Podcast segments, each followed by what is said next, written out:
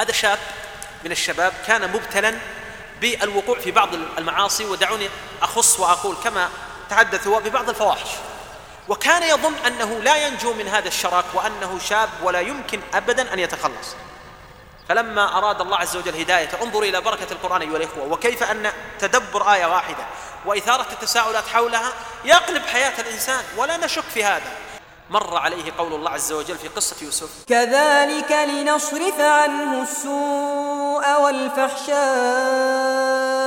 إنه من عبادنا المخلصين. هذا الأخ توقف وقال الشهوة التي عرضت ليوسف هي التي تعرض لي.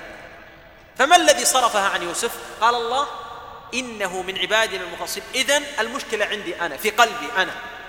فلو كنت مخلصا والله ليصرفن الله عني الفاحشة كما صرفها عن يوسف.